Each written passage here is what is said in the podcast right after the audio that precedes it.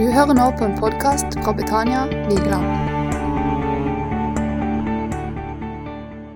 Eh, vi skal inn i budskapet som jeg har eh, for dagen. Og tittelen på denne talen Hvis du eh, ønsker å ha det, jeg er ganske fan av å ha titler på tale. Det er 'Såret som ingen kan se'. Det er dagens tittel. 'Såret som ingen kan se'. Og Jeg ønsker å begynne å, å, ha som på en måte utgangspunkt et bibelvers. og Det står i første Mosebok, kapittel 1, nei, kapittel 2, og vers 18. Første Mosebok, kapittel 2, og vers 18. Der kommer vi rett inn i, i skapelsesberetningen og sånn, og Gud har skapt mennesket. Og så sier Gud i vers 18. Og Herren Gud sa, det er ikke godt for Adam å være alene. En hjelper som passer til ham, vil jeg gjøre for ham. Jeg kan lese det en gang til. Og Herren Gud sa, det er ikke godt for Adam å være alene. En hjelper som passer til ham, vil jeg gjøre for ham. Vi tar en kjapp bønn, og så hopper vi inn i, i dette budskapet. Eh, Jesus, vi ber om at du skal åpne ordet ditt for oss i dag. Ber om at du, Hellige skal røre med hjertene våre. At vi skal være god jord for det du ønsker å si til oss i dag. eh, Og være mottagelige for å høre på det, Jesus. Takk at det er mye mer enn bare mine ord som kommer ut her i dag. Ber om at de skal være fylt av, av det, Jesus. At de skal formidle noe fra det. Takk at du ser alle oss som er her. Du elsker oss, og du ønsker å føre oss videre i livet sammen med det. I Jesu navn. Amen. Amen. Ensomhet, det er ikke godt. Gud sier i verset her at det er ikke godt for Adam å være alene. Jeg må skape en hjelper til han. En viktig ting som jeg tror er viktig å se akkurat i det tilfellet når Gud sier det, det er at syndefallet har ennå ikke inntruffet. Det skjer i kapittel 3. Så Gud sier på en måte allerede før syndefallet at det er ikke godt for mennesket å være alene. Mennesket hadde et behov der allerede før synden kom inn. Så vårt behov for fellesskap og relasjoner det er ikke noe som er en konsekvens av synden. Men det hadde vi allerede før der. Det var ikke godt for oss å være alene. Og det tror jeg på mange måter viser veldig sterkt til eh, noe sentralt i kristendommen, akkurat dette verset her. I kristendommen så ligger relasjonene i sentrum. Kristendommen er en relasjonsreligion. Det er liksom relasjonene det går ut på. Først og fremst relasjonen til Gud, til Jesus, men også til hverandre. Og livet òg sentrerer seg omkring relasjoner. Kristendommen er relasjonssentrert. Du ble skapt for relasjoner. Relasjonen til Gud og relasjonen til andre. Og Gud tenkte jo sånn da når han skapte oss og det, tanken med relasjon og sånn, at intensjonen hans var jo at vi skulle ha gode relasjoner. At dette skulle fungere greit, at man skulle få kjenne på det at man ikke er alene, og at man ikke er ensom, og at man har gode relasjoner rundt seg. Det var hans intensjon for alle mennesker når han skapte oss. Sånn ble det ikke, da. Av synden så, så kom den inn og ødela relasjonen til Gud. Og òg synd kan ødelegge relasjoner mellom mennesker. Så synden kommer inn og gjør destruktivt rundt relasjonene. Men det var ikke Guds sin, sin intensjon. da. Og I relasjoner da, så tror jeg det fins tre ting som er viktige for hvordan relasjoner blir, og kanskje spesielt nære relasjoner. Tre ting som er viktige for hvordan de blir. Det første det er kommunikasjon. Hvordan man kommuniserer sammen. At man klarer å forstå hverandre, at man klarer å sette gode ord på de tingene man tenker eller føler, og at man ikke misforstår den andre. Det er veldig vanskelig å forstå noen som ikke klarer å, å, å forklare på en god måte hva de føler eller tenker. Da er det veldig vanskelig å få et bilde av hva er det egentlig som foregår. Hvis man bare ser følelser hos en annen person, sinne eller noe sånt, men ikke får noen forklaring til hva er det egentlig som ligger bak her, så er det veldig vanskelig å, å kunne forstå hva som skjer. Så det er en veldig viktig komponent i at en relasjon skal være god. Det er god kommunikasjon. Den andre det er konfliktløsning. Konfliktløsning eller tilgivelse. Alle relasjoner, nære relasjoner spesielt, går gjennom noen konflikter i større og mindre grad her og der. Og det å kunne klare å løse de sammen, da, det blir en veldig viktig komponent for å kunne ha gode relasjoner. Og den tredje tingen som jeg ønsker å fokusere litt ekstra på da i denne prekenen, det er tillit. Tillit er en veldig viktig eh, komponent på hvordan relasjoner blir, spesielt til de som man står nære. Tillit. Og Da sitter du kanskje her og tenker litt hva er, hva er tillit? Tillit tror jeg kan fort bli et litt sånn abstrakt begrep som man ikke helt klarer å ordentlig liksom få tak på. Hva er det egentlig? Og Hvis du slår opp i Pauls i ordbok, så ligger det en definisjon på tillit. Dette er min eh, subjektive definisjon, da, så dette blir litt tatt ut av åssen jeg tenker. da. Men jeg vil definere tillit som å legge noe av seg sjøl over hos noen andre. Det er tillit. Å legge noe av seg sjøl over hos noen andre. Da gir du noen tillit. Og dette noe det kan være veldig mye forskjellig. Det kan, eh, det kan være Alt som har av betydning for det, kan være dette noe. Det kan f.eks. være at du gir noen din overbevisning om at de snakker sant. Da gir du de tillit. Det kan være at du gir dem din overbevisning om at, du, at de holder sine løfter. Det kan være at du gir dem en høy stilling i dine prioriteringer. Da gir du noen tillit. Det kan være at du gir informasjon om deg sjøl som er sensitiv til noen. Da gir, gir du dem tillit. Det kan være at du gir dem at du er glad i dem. Det kan være at du gir dem muligheten til å se det gjennomsiktig. Til å se det svak og redd. Da gir du noen tillit. Det kan være at du gir dem din visshet om at de ikke stikker når det blir for tøft. Tillit kan være veldig mye forskjellige ting. Dette noe kan være alt mulig som har betydning for det. Men eh, det er i hvert fall noe du legger deg sjøl over hos noen andre. Da gir du de tillit. Og Et par eksempler for å forklare enda sterkere hva tillit er. Det er f.eks. hvis du eh, etter møtet her står og prater med noen eh, ute, du tar en kopp kaffe, og så står du og prater med noen. Og så sier de til det at du vet han Paul som prekte i dag, han, han er, jeg har hørt noe at han egentlig er en tyv. Si at noen kom og sa det til det. Da Da rokker jo det litt med din tillit til meg. Spesielt hvis du liksom stoler på de som sa det. da Så kan det være jeg kommer i prat med deg etterpå, og så spør jeg liksom Ja, kan ikke jeg komme på middag hos deg? Og du som en god kristen svarer selvfølgelig ja på det, selv om du er litt skeptisk når du får høre at det er en tyv. Så du svarer ja på det. Hvis du da på en måte det ordet som kom, har på en måte skapt noe i det, da, sånn at du ikke har helt tillit til meg, så tror jeg at før det besøket så vil du gjemme vekk og låse bort verdisag i huset. Du vil på en måte Kanskje til og med når jeg kommer inn og det er middag og sånn, kanskje hvis du vil, må på do, så bare holder du det. For du vil ikke gi meg muligheten til å være alene i huset liksom, uten noen som overvåker. Og du vil på en måte være litt sånn skeptisk til meg, da. Fordi du har hørt et rykte om at det er en tyv. Kanskje etter hvert, etter hvert som du blir kjent med meg, at det viser seg at jeg ikke er en tyv, og du på en måte slipper litt mer den overvåkingsfølelsen. Eller kanskje det til og med stemte, og det på en måte var riktig å ikke gi meg tillit. Men uansett, der ser du på en måte hva tillit er. da. Man legger noe av seg sjøl over hos noen andre. I dette tilfellet så er dette noe muligheten til å være i huset ditt uten å bli overvåka. Det var på en måte noe du ikke var villig til å legge over hos meg, siden du hadde hørt dette ryktet. Det er tillit. Du legger noe av deg sjøl som har betydning for det, over hos noen andre.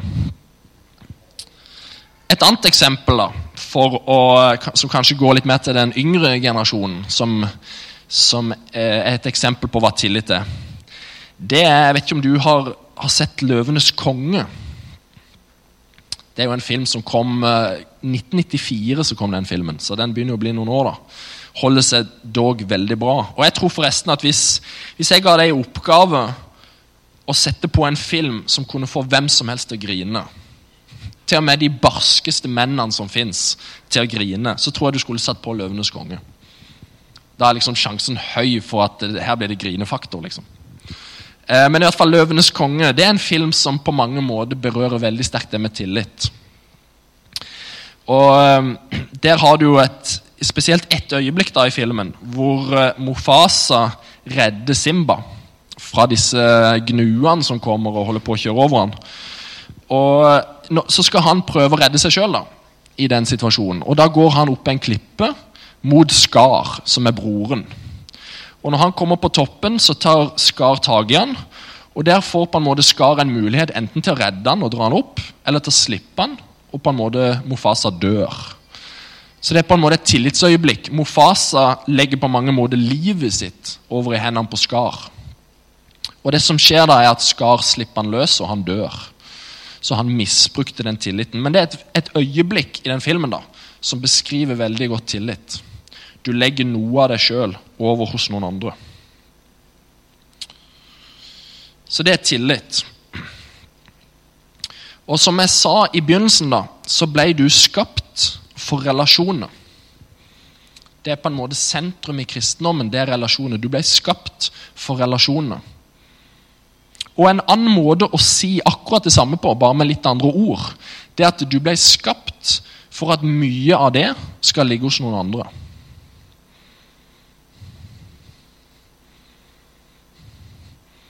Du ble skapt for at mye av det skal ligge igjen hos noen andre.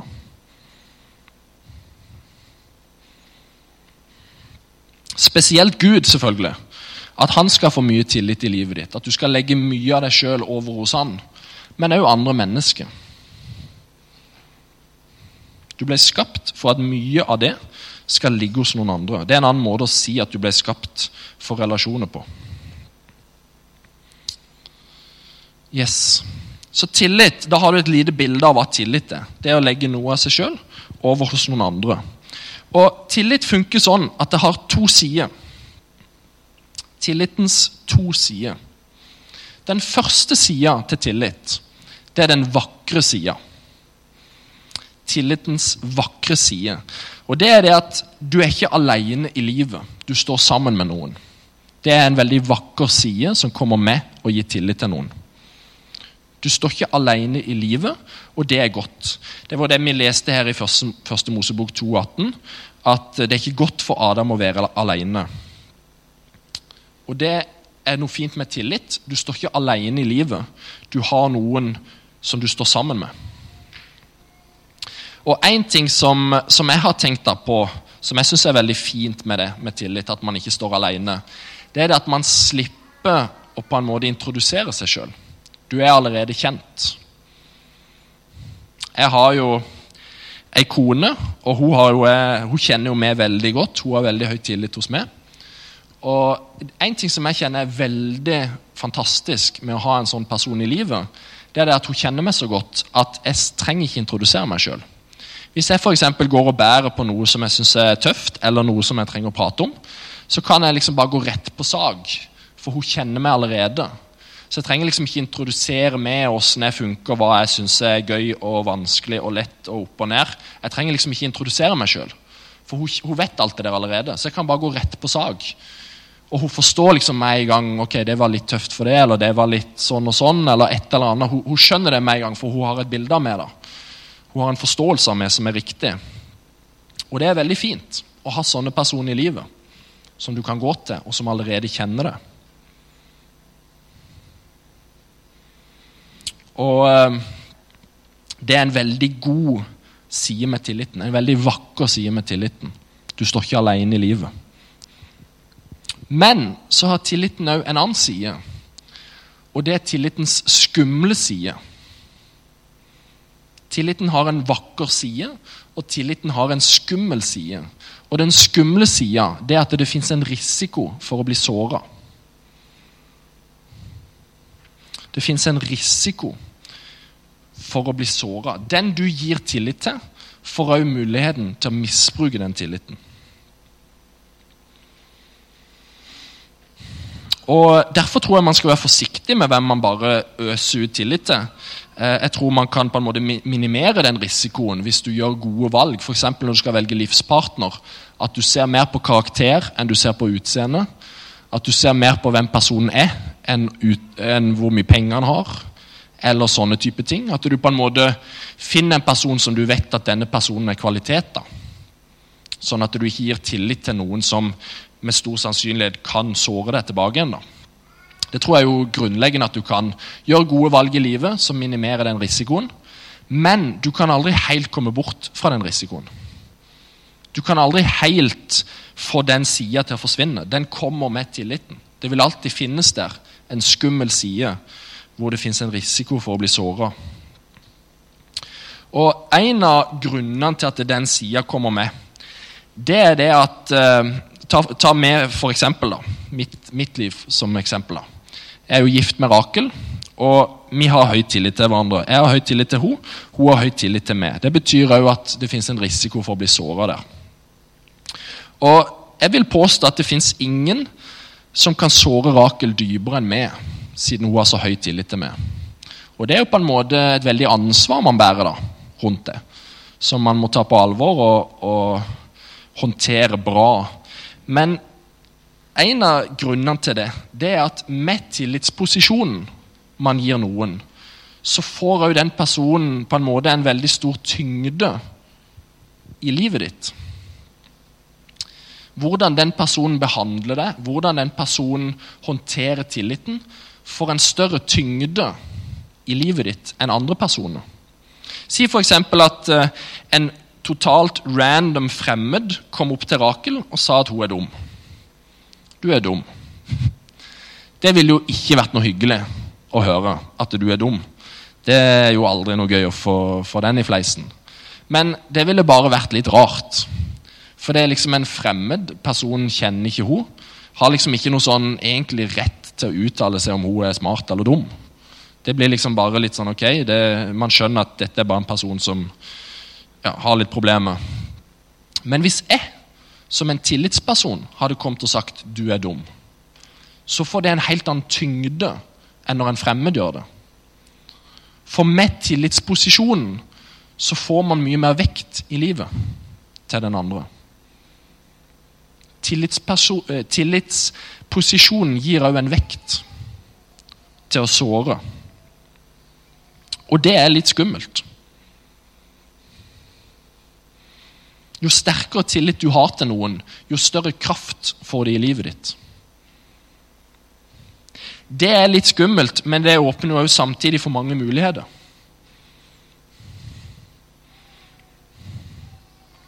De man har tillit til, har man noe å tape ovenfor.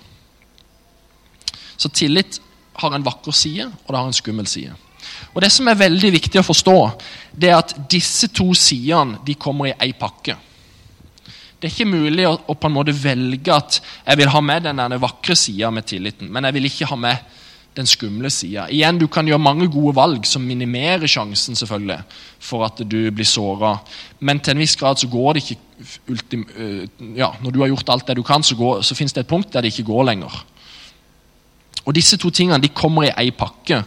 Og det, det må man bare innfinne seg i som på en måte et vilkår i livet. Tillit har to, to sider, og det kommer i ei pakke. Litt sånn som Hvis du vil kjøre en bil, så må du akseptere at det fins både hjul og en motor. Du kan liksom ikke bare ha det ene eller det andre. Da kommer du ikke framover. Prøver du å kjøre en bil med motor uten bil, så går ikke det så bra. Det skjønner til og med Prøver du å kjøre en bil med bare hjul og ikke motor, så kommer du heller ikke særlig langt. Kanskje litt i en nedoverbakke, men ikke så mye ellers. Det er på en måte bare en vilkår i livet. De to sidene kommer i en pakke, og det må man innfinne seg i. Og så er det jo sånn da, at av og til så blir tilliten misbrukt. Av og til så skjer det som skjedde med Mofasam og Skar, at noen misbruker den tilliten. Kanskje noen man har sterk tillit til, som misbruker det. Og det som skjer da, det er at det skapes et sår. Et tillitssår i den personen som eh, sviget ble gjort mot. Og Det fins mange eksempler på det i Bibelen hvor det har skjedd. blant annet ett som jeg ønsker å løfte fram, og det skjedde med Jesus sjøl. Og det står det om i Matteus 26.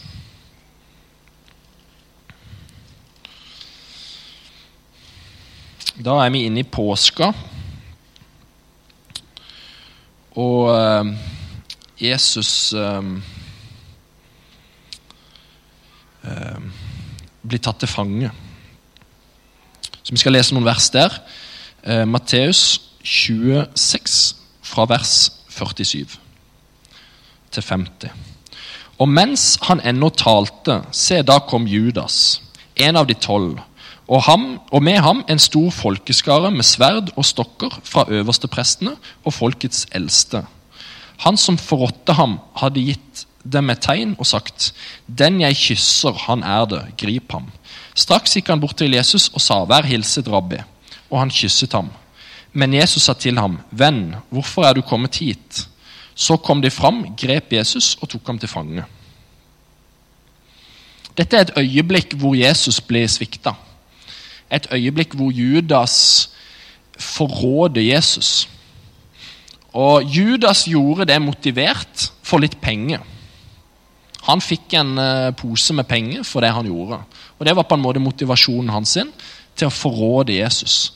Et ganske stygt, en ganske stygg handling, vil jeg påstå. Å overlevere vennen din for å få penger. Da, da gjør du noe veldig vondt da, mot han. Og Det sier seg sjøl at det satte et, et, sår i Jesus. Bare tenk på den smerten som Jesus må ha opplevd. For Det er jo viktig å, å være klar over at Jesus sitt forhold til disiplene sine var liksom ikke bare et sånn kollegaforhold, hvor de liksom på en måte jobba litt sammen, og, og, men ellers var liksom veldig mye distansert. Jesus var på en måte venner med sine disipler. De spiste måltid sammen. De eh, gikk gjennom livet sammen. De delte sikkert masse personlig sammen. De gikk gjennom ups and downs. De så Jesus gjøre mirakler. Eh, de så Jesus når han var alene og ba. De så liksom de så på en måte veldig mye av Jesu liv og, ble veldig gode venner. Og Bare tenk deg det da, fra Jesus sitt perspektiv. Når han ser Judas komme mot han, sammen med disse øverste prestene og, og eldste og romerne som kommer og tar Jesus.